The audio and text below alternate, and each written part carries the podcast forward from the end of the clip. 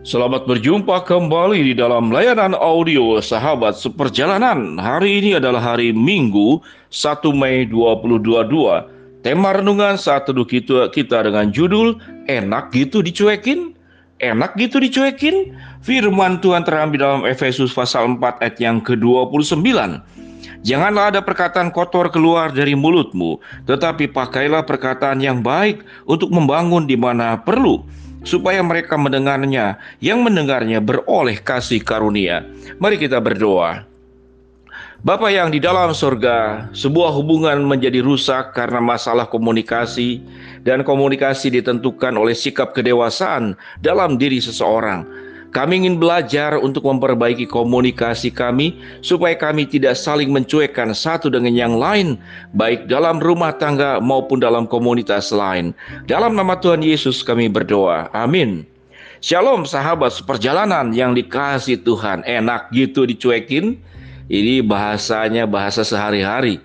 Namun secara bahasa Indonesia mungkin agak kurang tepat ya enak gitu dicuekin, namun itu yang terjadi di dalam sebuah relasi yang berakhir dengan buruk, sebuah relasi yang berakhir dengan dingin, dan kemudian putusnya komunikasi. Berawal dari mana sahabat perjalanan? Sebuah relasi yang cuek itu biasanya diawali dengan sebuah relasi yang sangat hangat, relasi yang sangat baik, relasi yang saling untuk memperhatikan satu dengan yang lain. Sebuah relasi yang sangat luar biasa. Dalam rumah tangga diawali dengan sebuah pesta pernikahan, diawali dengan janji-janji, dengan sangat optimis dan sangat yakin rumah tangga yang dibangun akan indah seindah surga. Dengan keyakinan seperti itulah, dengan tersenyum, dengan tatapan yang mesra, menyampaikan janji pernikahan di depan pendeta, tentunya di hadapan Allah dan di dalam rumah Tuhan yang kudus. Aku akan setia dan selanjutnya dan selanjutnya di dalam segala keadaan. Namun apa yang terjadi dalam proses waktu? Hubungan kemudian menjadi meninggi karena satu dan lain hal timbul percekcokan, timbul pertengkaran yang firman Tuhan katakan, yang keluar bukan lagi kata-kata yang baik, tapi kata-kata yang kotor, kata-kata yang jahat. Itu yang dikeluarkan kata-kata yang tidak membangun, kata-kata yang merusak, kata-kata yang menyerang, kata-kata yang menyakitkan. Itu yang terjadi. Mari sahabat seperjalanan. Sewaktu sahabat seperjalanan mendengarkan layanan renungan audio saat teduh ini. Mari kita telaah apa yang terjadi dalam sebuah hubungan dengan orang-orang terdekat dalam kehidupan kita. Yang siogianya menjadi pasangan seperti sepasang sumpit, seperti garpu dan sendok yang saling melengkapi, seperti sepasang sandal dan alas kaki, sepatu dan yang lainnya yang saling melengkapi satu dengan yang lain, ukurannya sama, panjangnya sama, besarnya sama, namun yang satu untuk kiri, yang satu untuk kanan. Lalu mengapa timbul sebuah persoalan dalam komunikasi? Karena biasanya karena memaksakan setiap masing-masing menjadi sama seperti dirimu. Dan itu adalah sesuatu yang sangat buruk. Kalau kita ingin semua orang sama dengan diri kita, maka mulailah sahabat seperjalanan mulai hari ini. Boleh coba-coba. Belilah sandal dua pasang, kemudian sesuai dengan ukuran kakimu, dan pakailah sandalnya hanya sebelah kanan dua-duanya atau sebelah kiri dua-duanya. Sewaktu sandal dipakai sebelah kanan dua-duanya, kaki kiri akan protes karena dia tidak nyaman. Arah kakinya berbeda. Dan sewaktu kemudian kaki kanan dipaksa untuk pakai kaki kiri juga, dua-duanya sebelah kiri. Apa yang terjadi?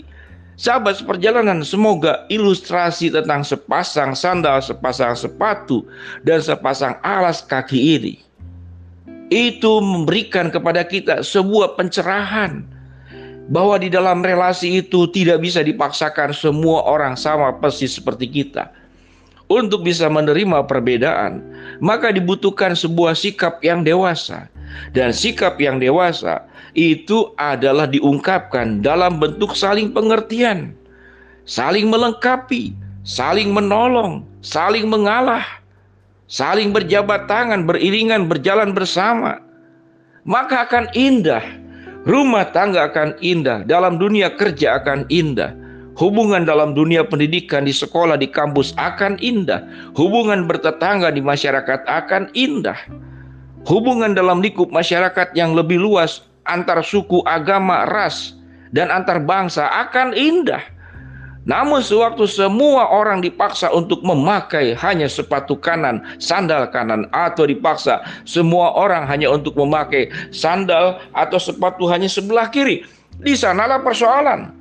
Pasti pihak yang tidak cocok akan berontak. Dia akan melawanmu, dia akan protes, dia akan mengkritik.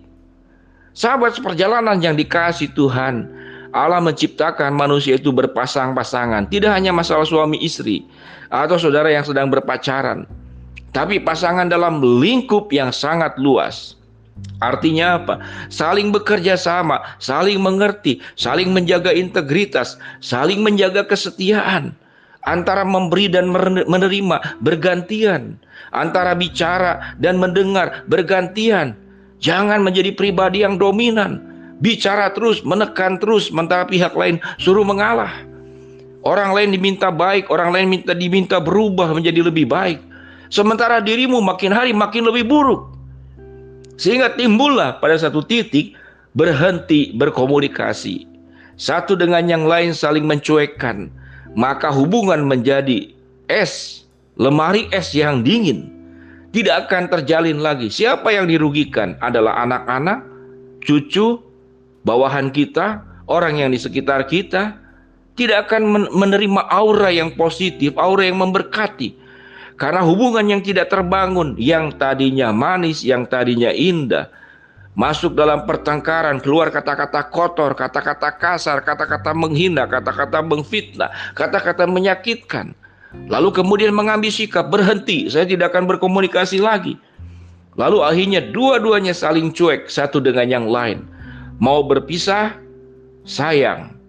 Mau terus, tidak sanggup. Lalu apa hubungannya akan dilakukan? Mau berpisah tidak mungkin. Karena apa? Karena masih saling membutuhkan. Tetapi mau lanjut tidak tahan. Bagaimana? Situasi ini situasi yang sangat tidak enak dan tidak nyaman. Maka cara yang terbaik adalah perbaikilah. Milikilah kerendah hatian tidak perlu menunggu siapa yang duluan meminta maaf, siapa yang duluan kemudian memulai komunikasi dan memperbaiki diri. Kalau setiap orang memulai dari dirinya sendiri tanpa peduli dia berubah atau tidak, cukup kita bertanggung jawab kepada Allah. Maka hubungan-hubungan yang retak, yang hancur, yang akhirnya berujung dengan saling mencuekkan, itu akan dipulihkan oleh Allah. Akan dikembalikan menjadi indah seperti semula. Bagaimana caranya? Jangan ada perkataan kotor keluar dari mulutmu, tetapi pakailah perkataan yang baik untuk membangun di mana perlu, supaya mereka yang mendengarnya beroleh kasih karunia. Efesus 4 ayat 29, simpan itu di dalam hidupmu. Mari kita berdoa. Bapa yang di dalam surga hambamu berdoa buat para sahabat seperjalanan yang menghadapi sebuah komunikasi yang saling buruk akhirnya berujung saling mencuekkan satu dengan yang lain. Biarlah Tuhan akan pulihkan, berikan kematangan kedewasaan. Hambamu berdoa buat sahabat seperjalanan yang sedang sakit, Tuhan jamah sembuhkan. Sahabat seperjalanan yang sedang menghadapi masalah, Tuhan bukakan jalan. Sahabat seperjalanan yang sedang memohon berharap sesuatu, Tuhan akan kabulkan sesuai dengan waktu, rencana, dan kehendakmu. Di dalam nama Tuhan Yesus kami berdoa. Amin.